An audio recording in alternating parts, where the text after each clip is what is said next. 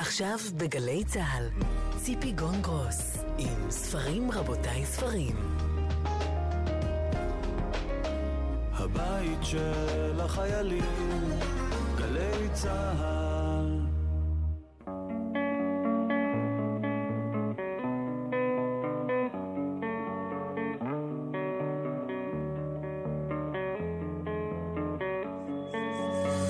ספרים רבותיי ספרים, שלום לכם, תודה שאתם איתנו. איתנו בתוכנית מיוחדת שכולה מוקדשת היום לסופר מאיר שלו. אני לא מאמינה שאני אומרת את הדברים האלו, אבל העובדות מדברות. ומאיר שלו הלך לעולמו ב-11 באפריל 2023. כלומר, לפני כ-30 יום. מאיר שהיה נהג שטח יוצא דופן, שהיה מבלה בנגב בין צלעים ופרחים עם רכבי שטח, שהיה מתקלח במקלחת, מקלחת חוץ מול הנוף בחצר ביתו באלוני אבא, שטיפח בחצרו גינה של פרחי בר. מאיר שאהב את החיים והחיים, הקוראים, הקוראות בכל העולם אהבו אותו. מאיר שכתב למבוגרים ולילדים, שהיה בקיא בעברית ובחוקיה, שהיה בן בית בין פסוקי התנ"ך. מאיר שלו כבר לא איתנו בגופו, אבל הספרים של מאיר, הטורים שכתב מדי שבוע בידיעות אחרונות, הקול הפוליטי המאוד מובהק שלו, חוש ההומור, הכישרון, היצירתיות, הכריזמה שאפיינה אותו, ובלטה בעיקר בהרצאות שנתן. כל אלו לא הלכו לשום מקום ויישארו כאן. ספרים רבותיי ספרים נשמע בשעה הקרובה קטעים מתוך עשרות הראיונות שערכתי עם מאיר ב-35 השנים האחרונות.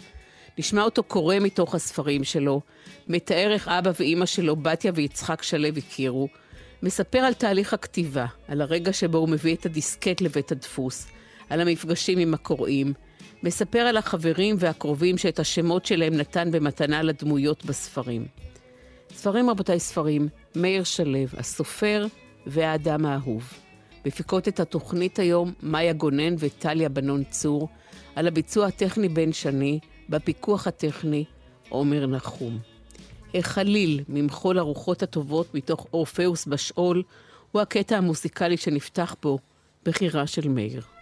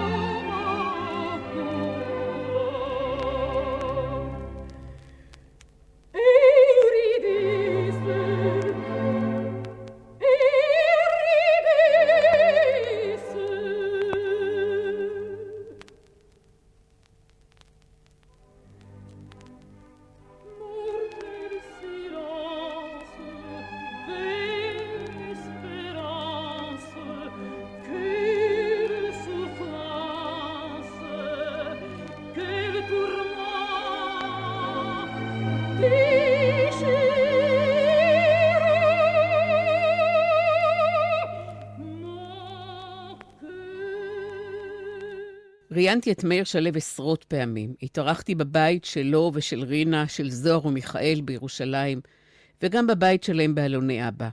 לא הייתה פעם אחת שבה לא הזכיר את אבא שלו, יצחק שלו, ואת אמו, בתיה. הזכיר אותם ובעיקר התגאה בתלמידים הרבים שהיה פוגש ברחוב, והיו מזכירים לו את ההורים. איך הם הכירו, אמא ואבא שלך? היא הלכה ברחוב בירושלים בשנה 1946, אה, יחד עם חבר. אה, התחיל גשם נורא, שבר ענן ברחוב יפו, וחבר אמר, אה, בואי נברח אל החדר, יש לי פה בן דוד שגר קרוב, נברח אל החדר שלו מפני הגשם, והם ברחו אליו לחדר, וזה היה אבא שלי, ככה הם נפגשו. והוא, כמו שאמרתי לך, על אף שלא היה אדם דתי, החליט שאלוהים הוריד את הגשם הזה במיוחד בשבילו.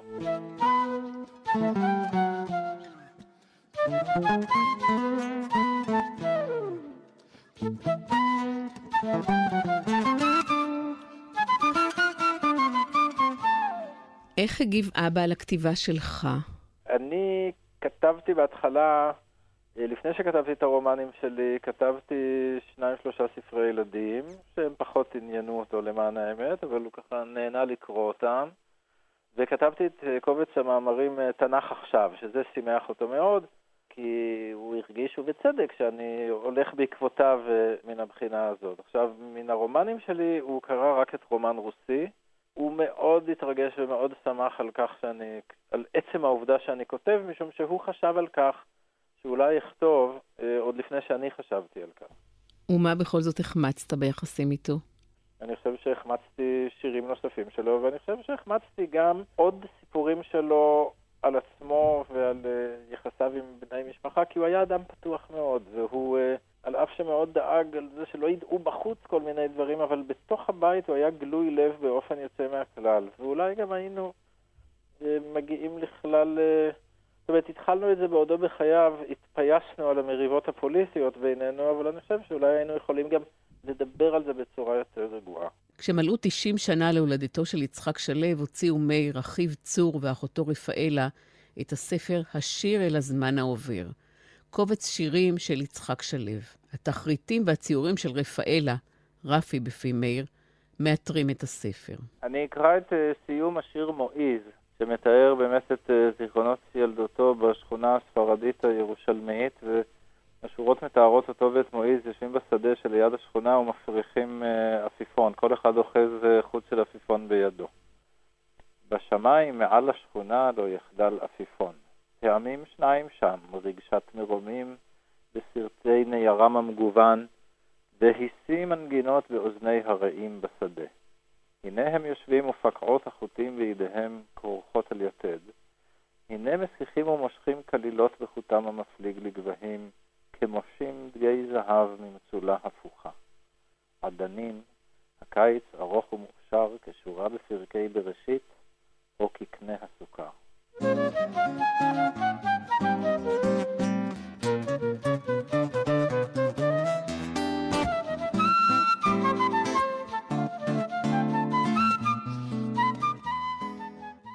צור צעיר ממני בכמעט 20 שנה, ואנחנו ילדים של אותם הורים. הוא נולד כשהייתי בצבא, והוא חווה מעצם העובדה שהיינו של הפרש כזה בגילים, הוא גם חווה, אני חושב, חוויות משפחתיות נוספות ואחרות. אבל כולנו היינו עדים לאב היוצר, שהבית גם סבב במידה מסוימת אה, סביב העובדה שהוא כותב. אני זוכר שהיינו קטנים, הוא היה חוזר מעבודה בבית הספר, אה, נח איזה שעה-שעתיים, עבודת ההוראה היא עבודה קשה. ואחרי זה היה קם ויושב אל השולחן לכתוב כמה שעות. היה צריך להיות בשקט. בהקדמה לספר שלו, תנ"ך עכשיו, כותב מאיר שלו, גדלתי בבית חילוני שעסק הרבה בתנ"ך. עודני זוכר את הוויכוחים המשפחתיים הסוערים על דמותו של שאול המלך, שהיה חביבה של אמי, ובלב אבי לא עורר אלא רחמים. הוריי טיילו איתי בין צורעה ובין אשתאול להראותני את מקום הולדתו של שמשון. אל נמל יפו ממנו נמלט יונה תרשיחא מפני אלוהיו. אפשר לומר ששמואל, יוסף, אליהו ויונתן היו גיבורי ילדותי לא פחות מקפטן נמו, אמיל ומוגלי. יצחק שלו דיבר, מאיר מספר, תנכית שוטפת. השפה המקראית חיה בתוכו כמו השפה המודרנית, והיה לו עניין עצום גם בשפה המקראית וגם בסלנג של הרחוב. חושב שתמיד היה שואל אותנו על חידושים בסלנג, שתמיד רוצה לדעת וללמוד. והשימוש שלו ב, ב, בשפה מקראית היה נינוח, טבעי וזורם, כפי שאני מדבר את השפה המודרנית. את רומן רוסי, הרומן הראשון שלו, פרסם מאיר שלו בשנת 1988. תוך שנתיים מכר רומן רוסי כמאה אלף עותקים. הנה מאיר קורא מתוך רומן רוסי את הקטע שבו ברוך שינר, המספר, מתאר איך נפגשו ההורים שלו, אסתר ובנימין. אפרים, דודי האבוד, היה ילד שעשועיו של סבא. יפה תואר היה, קל ומהיר, וסבא לא חדל לספר לי כיצד הלך למלחמה, כיצד נשא את העגל שלו על כתפיו, וכיצד נעלם מן הכפר. אפרים נולד שנה אחרי אברהם, ואסתר, מי שתהיה עמי, שנה אחריו. גם לטוניה של מרגוליס נולדה בת, אבל מרילוב השומר. מאז בואה אל הכפר נשבתה בקסמיו הגבריים האלימים, רצתה למות במיטתו, והתלהטה עד טירוף כשביקש ממנה להבריח למענו כדורי רובה בחזייתה. רילוב ירד איתה אל הסליק הגדול בבור השתן. העששית הרעידה את צילליהם כאשר שלו אצבעותיו את התחמושת מבין שדיה. אבל מיד לאחר שספר את הקליעים, סייע לה להתלבש. נשימתה כמעט נעתקה כשהידק וקשר את השרוכים הוורודים על גבה. רילוב חייך בעיניים שנעשו במפתיע הוזות, ואמר שהוא חולם בלילה על פסיה צירקין ועל הכמויות שהייתה יכולה להבריח למענו. יש לה כל מה שאני צריך, פירט, מכונית, קשרים טובים וחזייה גדולה. טוניה נעלבה, אך לא אמרה נואש. רילוב מצא בה בעלת ברית שומרת סוד. בלילות יצאה איתו להיפגש עם מלשינים בוודיות, להטמין רימונים במקומות סתר ולחסל משתפי פעולה. הם התחבקו על תיבות של רימוני הקשה, מכוסים בפתיתים לבנים של חומרי נפץ, וכאשר כינה אותה רילוב, שאוצר הדימויים שלו היה מוגבל למדי, שוורצלוזה, שוב לא נעלבה. היא נישאה לו בחשאי, שניהם מוקפים בחומה של אנשי השומר, שהביאו להם מתנות, וכף טטרי, סוסה אצילה שאורה לא חדל לרטוט, ורב טבריאני כפות ומייבב שסידר את הקידושין, למרות שעיניו כוסו בבד שחור. כעבור שנה ילדה טוניה בת בלי לדעת כלל שהתעברה, כי רילוב הניע ידו בביטול למשמע גניחות הבוקר שלה, ואמר שהבחילות והעקרות הן תוצאה ידועה של אישת ג'ליגנית. מרגוליס המתוק, טוב מזג כהרגלו, משוחרר מקנאות טיפשיות, נטירת איבה וטיפוח נקמות, בא לבית רילוב. צנצנת דבש גדולה בשמאלו, וחברתו החדשה, ריבה ביילין, שעונה על ימינו. היא הייתה חלוצה מגדוד העבודה שפגש ברכבת לצמח. טוניה עודנה כואבת, התבוננה באהובה הקודם ובבת זוגו, וכאין חספוס של כעס עלה בתוך עורקיה. כבר באותו שבוע נתגלעה מריבתה הראשונה עם בעלה. רילוב, אמון על מסורת ארוכה של קונספירציה, ביקש לשמור בסוד גם את הולדת ביתו הבכורה, וטוניה נעלבה עד כדי בכי ושנאה.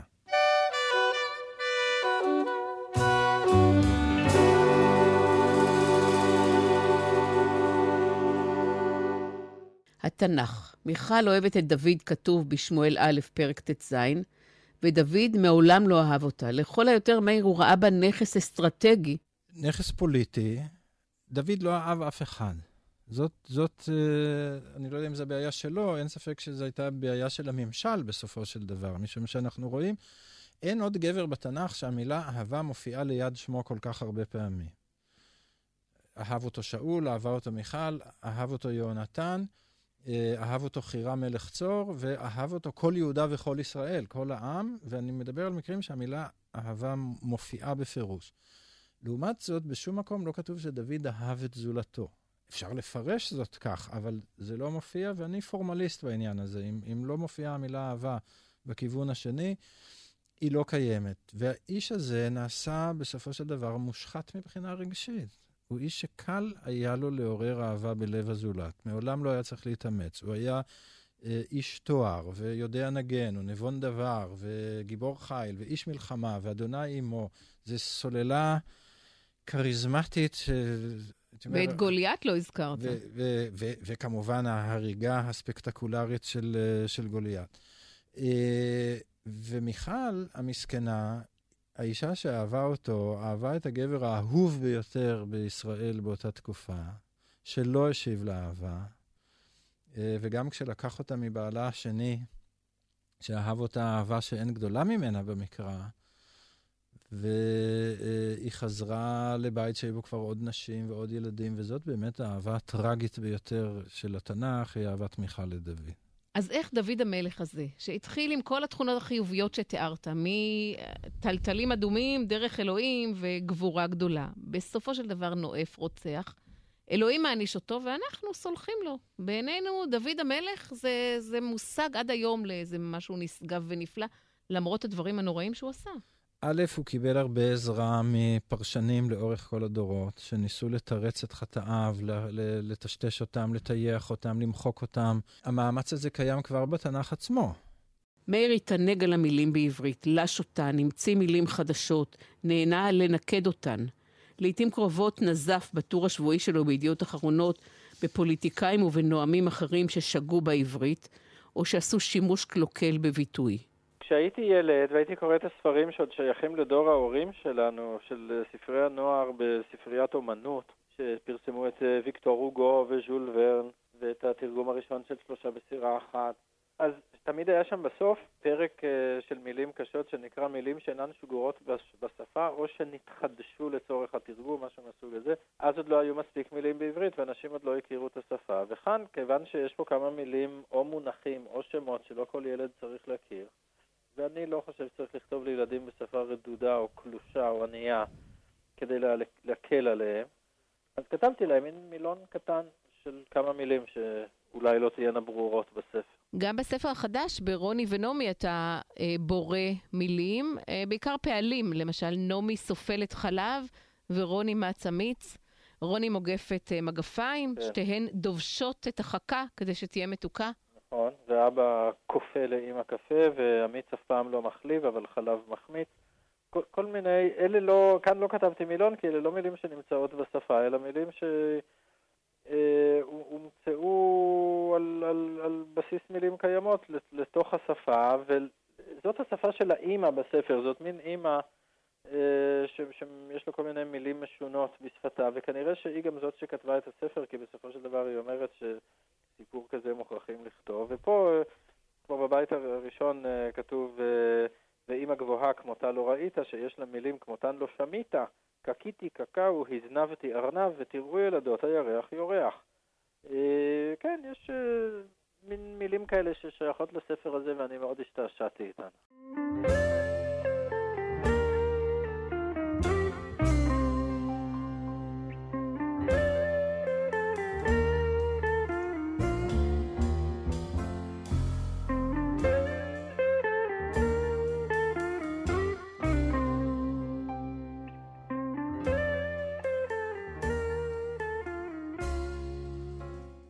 יש שני פעלים, או שלושה פעלים מיוחדים לעברית בתחום המגע המיני. אחד זה לספר עמו או לספר עמה, ואחד זה לצחוק או לצחק, ולדעת.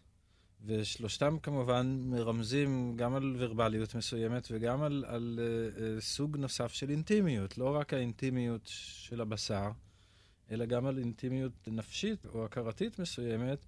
אני זוכר שפעם הייתי בגרמניה בהרצאות על ספרים שלי, והם שאלו משהו על אה, איזה זוג בספר, וכרגיל יש השאלה אם זה ככה גם אצלי בבית. ואמרתי ש... שאני משתדל להצחיק את אשתי ככל, ככל שאני יכול, והסתבררה מבוכה נוראה בקהל, כי הסתבר שבגרמנית אמרתי שמשהו אה, אה, הרבה יותר נוקב או, או אינטימי. כך שרחל כאן, האינטימיות שלה עם הגברים של המשפחה היא לא מינית, אבל, אבל יש כמובן האירוטיות של המיטה והידיעה. מאיר שלו, תוכנית מיוחדת במלאת 30 יום למותו. לא פעם בשיחות הרבות שניהלתי עם מאיר, גם לשידור וגם שלא לשידור, הוא סיפר על חוויית הכתיבה שלו. העיניים של מאיר תמיד נצצו כשדיבר על תהליך הכתיבה. עכשיו, יש איזשהו אלמנט שאני באמת לא נפגש עם העולם האמיתי בכל מיני דברים, אה, בגלל שאני יכול לעשות את זה על השולחן. אה, כי אני ממציא לעצמי גיבורים ואני מנהל איתם את הדיאלוג שלי עם, עם העולם או עם אנשים בעולם. מצד שני, אני צריכה לזכור, זה אני אומר כ, כהתנצלות או כהסבר, אה, שאני התחלתי לכתוב בגיל מבוגר, התחלתי לכתוב בגיל, אה, רומן רוסי יצא בגיל 40. או 40, כן, בערך כשהייתי בן 40. זה בהחלט גיל מבוגר לפרסם בו רומן ראשון. כך שעד אז קיימתי יחסים מאוד הדוקים אה, עם העולם האמיתי. אה, מה גם שאני חושב שהכתיבה שלי, גם אמנם אם מגלים בה יסודות, הייתי אומר, דמיוניים, היא בכל זאת כתיבה מאוד בשר ודמית, אה, אה, אה, ריאליסטית, היא מתעסקת באלמנטים מאוד בסיסיים ופשוטים של החיים. אבל אני חושב שקשור לזה גם עניין הגיל של הכתיבה. זאת אומרת, היה איזשהו שלב שאתה רוצה לשבת כבר לבד ולהתחיל לפלוט, ו- ולהפסיק את הקליטה ואת המשא המ- והמתן הישיר. מה אתה קורא בזמן שאתה כותב? אני קורא מעט מאוד כשאני כותב, ובעיקר ספרים ישנים שאני כבר מכיר אותם, ואני שב וקורא אותם. אמ, אני קורא הרבה אה, סיפורי מיתולוגיה היוונית. אני קורא מספר סיפורים של סרויאן, אני קורא את השטן במוסקבה של אה, בולגקוב, אני קורא את יוסף ואחיו של תומאס מן, את מוות בוונציה של תומאס מן, אה, ספרי ילדים ישנים, אני יודע, אה, אה, ממש ספרי ילדים שקראתי כשהייתי אה, ילד. אה, אבל שוב, אני קורא מעט, אה, ואני לא קורא שום דבר חדש כשאני כותב, כי זה מפריע את מנוחתי. זאת אומרת, זה, זה כמו מוזיקה שאני שומע בזמן שאני כותב, היא רק מוזיקה שאני כבר מכיר אותה, אוהב אותה, רגיל אליה, והיא מנגנת לי בחדר כמה יצירות מוזיקליות, ו- ולא שום דבר אחר. אה, כדי שזה לא יפריע לי.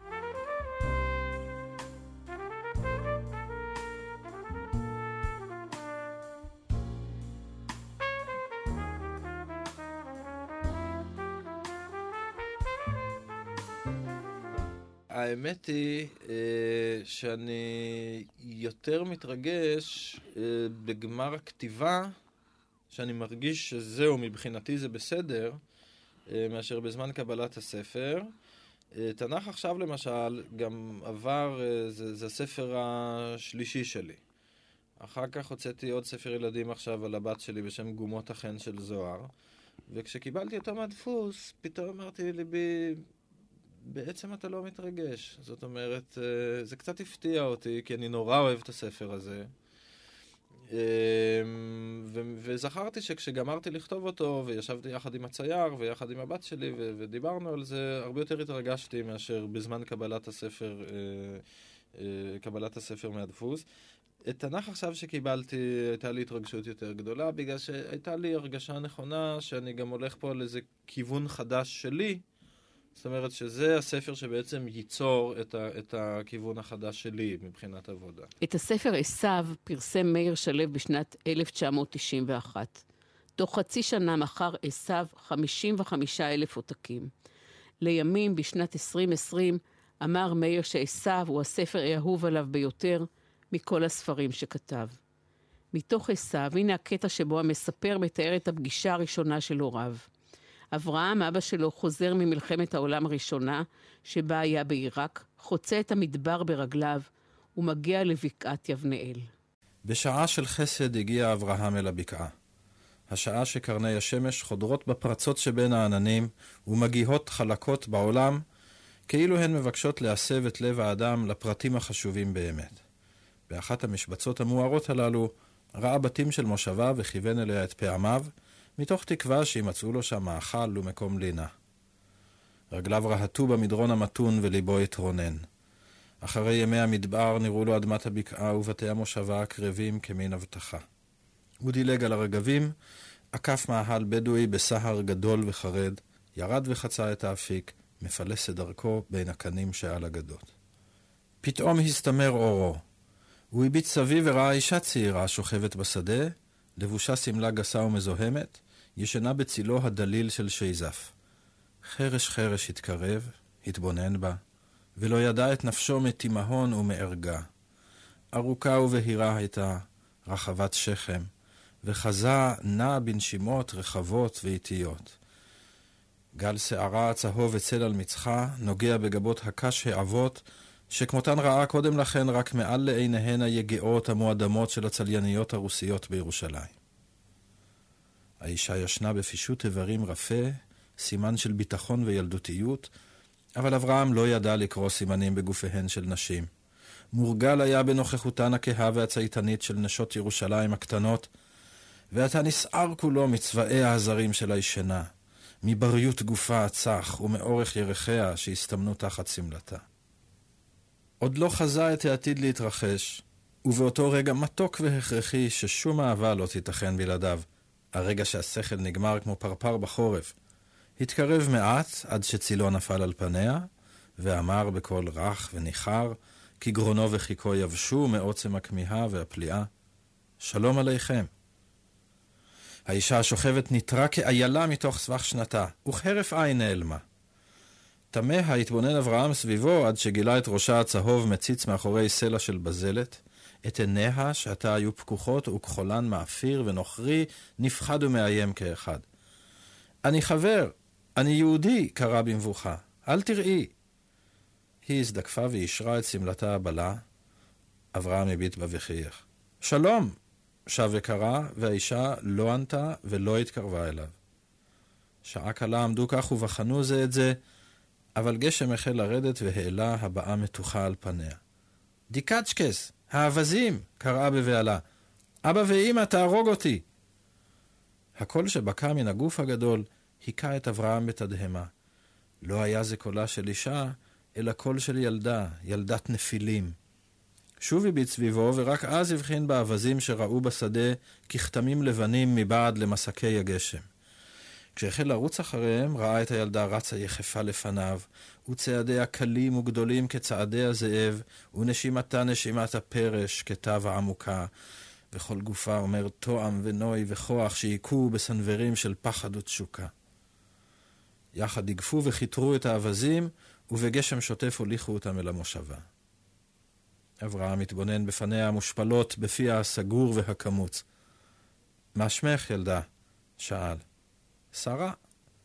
בת כמה את? שנים עשר. דמי למנו, שריקה, אמר לה בהעזה פתאומית, כי אתה ידע שלא תבין מה הוא אומר. תני לי את ידך. הילדה הביטה בו וידו המושטת אליה. מעולם לא קרא לאיש שריקה או בשם חיבה אחר. השם שרה הובטח לה עוד קודם שנהרתה ונולדה, בשעה שכל משפחתה התגיירה, והוריה נהגו בו בכובד ראש, ולא העזו להמירו בכינויים של חיבה. עתה חייכה אל אברהם בביישנות, וידה רעדה בידו.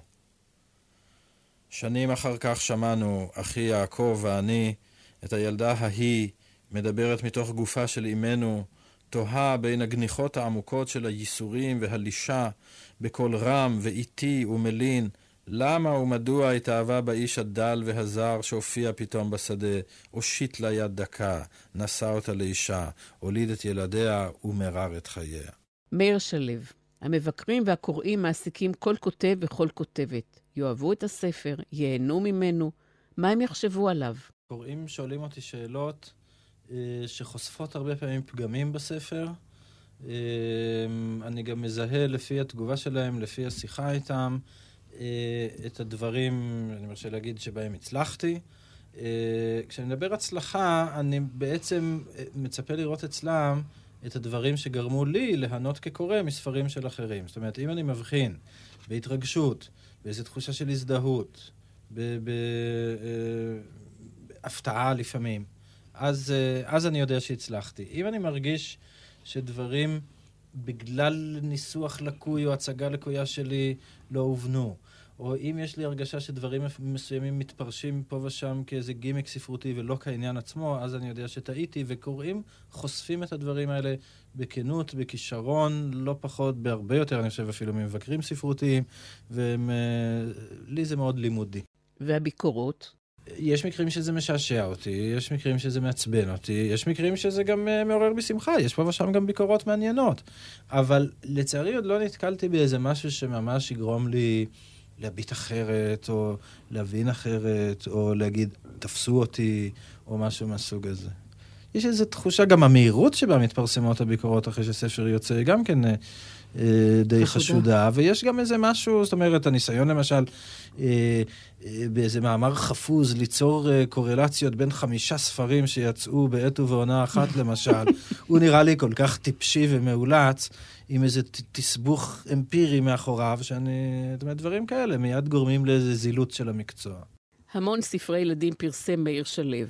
מהילד חיים והמפלצת מירושלים, שפרסם ב-1982, דרך מיכאל והמפלצת מירושלים, מבול, נחש ושתי תיבות, הטרקטור בארגז החול, הדודה מיכל, אריה בלילות, קרמר החתול שישן כל היום, ועד השן שהתנדנד לה הילד, שפרסם בשנת 2020.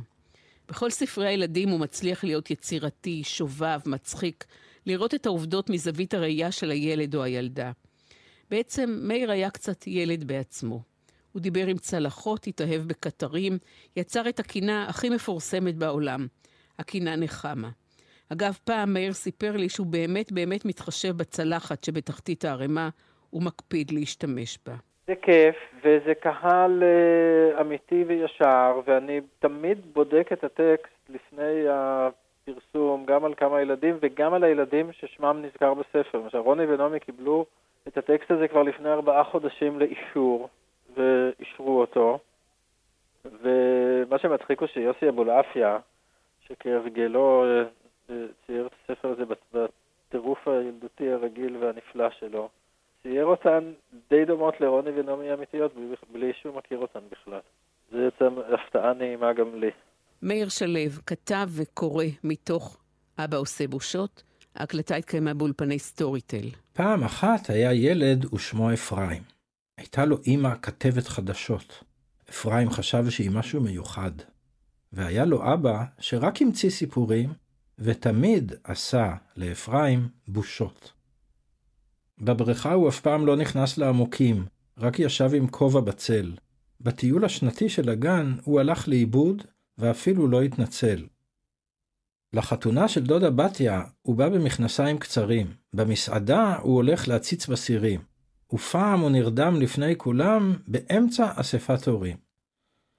במשחק כדורגל הוא תפס את הכדור בידיים, ולבן שלו הוא נתן את השם הנורא אפרים. אמא של אפרים הייתה קמה מוקדם, שותה קפה ומיץ אשכוליות עם העיתון ביד.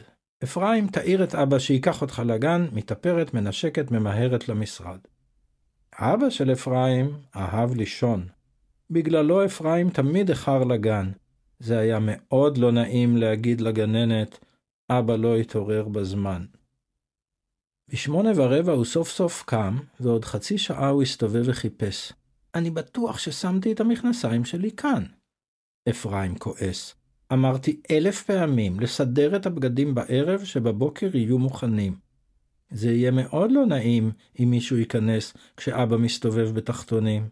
לילדה עם גומות החן קוראים זוהר, בכימים אחדים מופיעים פפיש הכפר ופפיש העיר. לרוני ונעמי יש דוב בשם יעקב. מאיר שלו אהב מאוד מאוד להשתעשע בזמן הכתיבה, ולקרוא לחלק מהדמויות שלו בשמות של חברים ובני משפחה. רוני ונעמי הן, הן שתי הבנות האחיות אה, של אחי הצעיר ממני. יש לי אח צעיר ממני ב-20 שנה, אז הילדות שלו עוד קטנות. שלי כבר גדולים הילדים, אי אפשר לכתוב להם כבר ספרי ילדים. כתבתי בזמנו, מיכאל נזכר ב... בספר על הקבב הרומני, וזוהר בגומות החן של זוהר. אבל uh, עכשיו, ואני אוהב לכתוב לילדים שאני מכיר אותם. ואני מאוד אוהב את רוני ונעמי, וגם הדובה נורית היא על שם uh, בת כבר גדולה של אחותי. וספר, עוד ספר ילדים שאני כותב עכשיו, אבל יצא רק בעוד uh, הרבה זמן, אני נותן, אני כבר משתמש בילד שהוא בן של אה, בן דוד שלי. רוני ונעמי והדוב יעקב. מאיר שלו כתב. בתוך רוני ונעמי יש גם כמה שורות שמובילות לביאליק. אה, נכון, אני שמח שראית את זה. זה. זה משירים ופזמונות לילדים, שהיה לחם חוקי כשהייתי ילד, ואני חושב שזה יצא גם בהוצאה חדשה בשנים האחרונות. אה, כשהאבא חולם על כך שהוא יתפוס לעצמו דוב, אז אני כתבתי, ובחלומו הוא מפליג אל מעבר לים, אל ארץ הדובים, עם עצום ורם, שזה ציטוט מאיי הזהב אה, של ביאליק, ואחר כך, כש... אה, כשהדוב מגיע הביתה, אז סוף סוף הם הגיעו והשמחה רבה, אבא זרח ברוך הבא, אמא דובה רבה רבה רבה, שזה משיר של ביאליק באותו ספר על הדוב, כבד בשר, כבד כפות, צועד צעוד והתרפות. אז מופיעה שם גם השורה הזאת, הדובה רבה רבה רבה. אז נהניתי להכניס את זה פנימה, והורה שיזכור יוכל להפנות את הילד שלו לשירים ההם.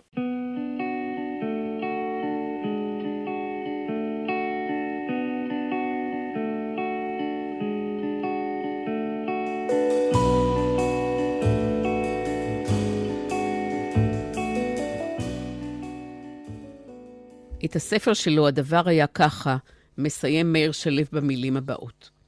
כאן מסתיים סיפורי. הדבר היה ככה, כל גרסה כהווייתה. כי כך אנחנו נוהגים, משתמשים בשפה ובביטויים של המשפחה, וזוכרים את זיכרונותיה, ולא הולכים לשום מקום בידיים ריקות, ואוכלים סליודקה, והמהדרין גם חולודייץ. כי זה מה שחשוב, להיות נאמן לאמת, גם אם היא לא נאמנה לך, ולסחוט אותה בשכל, לא כמו גבר, אלא כמו אישה, ולספר אותה בסיפורים, ולבדוק אותה טוב טוב מול האור שוב ושוב, עד שיהיו כמו שצריך, צלולים ונקיים ממש. זה סוף הציטוט. כך מסתיים הסיפור של מאיר שלו. ספרים, רבותיי, ספרים, על מאיר שלו אפשר עוד לדבר ולדבר ולדבר על האהבה והמסירות שלו לעורך אברהם יבין, עורך שליווה אותו עשרות שנים, ומאיר היה מבקר אותו בבית החולים כל שבוע. על אחותו רפאלה, שמאיר כל כך אהב ושיתף איתה פעולה. רפאלה הייתה העורכת הראשונה של כל הספרים, וגם ציירה את הרישומים לספר גינת בר. אפשר להזכיר את הפרגון הגדול שלו לצרויה שלו, בת הדודה שלו, כשהתחילה לפרסם ספרים, ולצור שלו, אחיו. אפשר לספר על השיחות שהיו לנו על הדס נכדתו. אפשר להזכיר את הדיבורים שדיברנו על אהבה ועל געגוע. הרבה הקדשות כתב לי מאיר שלו במהלך השנים. ממשיכים לכתוב, כתב באחד מהם. באחר כתב, שוב תודה על קריאה של קוראת שכל סופר מייחל לה. מהיתום ליתומה, כתב לי בעמוד הפותח של פונטנלה, ואז הוסיף, סתם. אני אוהב מאוד את הקריאה המעמיקה והחכמה שלך, כתב לי בספר אחר.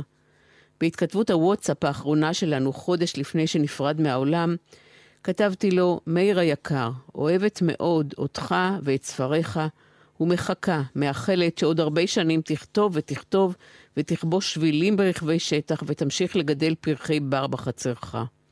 ומאיר ענה לי תודה על מכתבך היפה. אני בהחלט מצטרף לאיחולים. הם מדויקים ומוצאים חן בעיניי.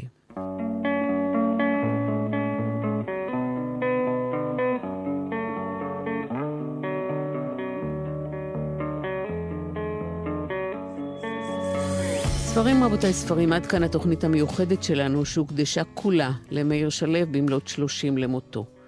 תוכלו להגיב על התוכנית בכתובת ספרים גון גרוס 1 כרוכי קום, ספרים גון גרוס 1 כרוכי קום. כדי להאזין לשוב אתם מוזמנים להיכנס לאתר גלי צה"ל או ליישומון. דף הפייסבוק שלנו, ספרים, רבותיי, ספרים בגלי צה"ל, מחכה ללייק שלכם.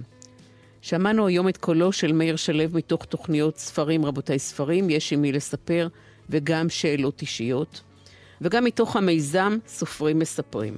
המפיקות של התוכנית היום היו מאיה גונן וטליה בנון צור. המפיקים והמפיקות של התוכנית במהלך השנים היו אביבה אלפרנס, גילי בר הלל, עופר מאיר, ערן סבג, יעל רוזן, יהב זוהר, עידו תמרי, סתיו פלטי נגב ושי זמיר.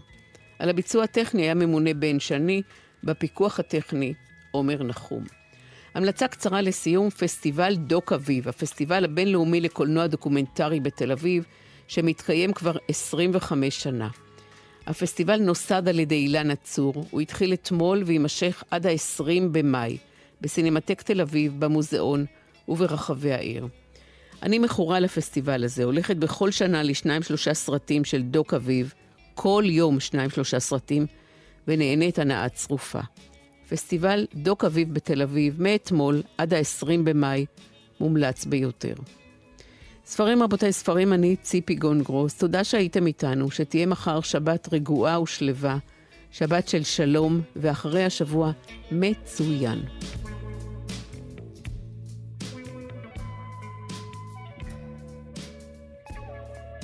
את השיר של יסמין לוי, עוד לילה אחד של אהבה, בחר מאיר שלו לשמוע באחד הראיונות שערכתי איתו. לסיום התוכנית המיוחדת על מאיר שלו, הנה עוד לילה אחד של אהבה, יסמין לוי.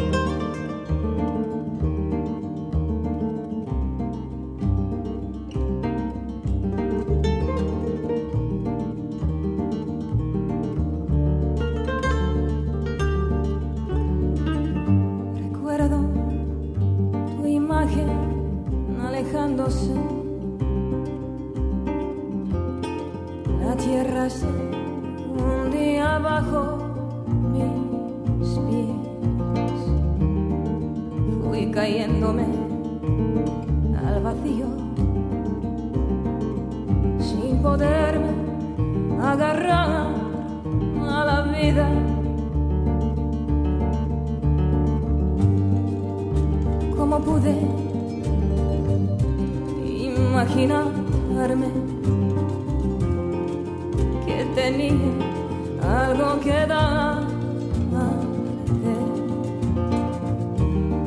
Y yo en mi madurez y tú en tu plena juventud. Los años no perdonan, solo te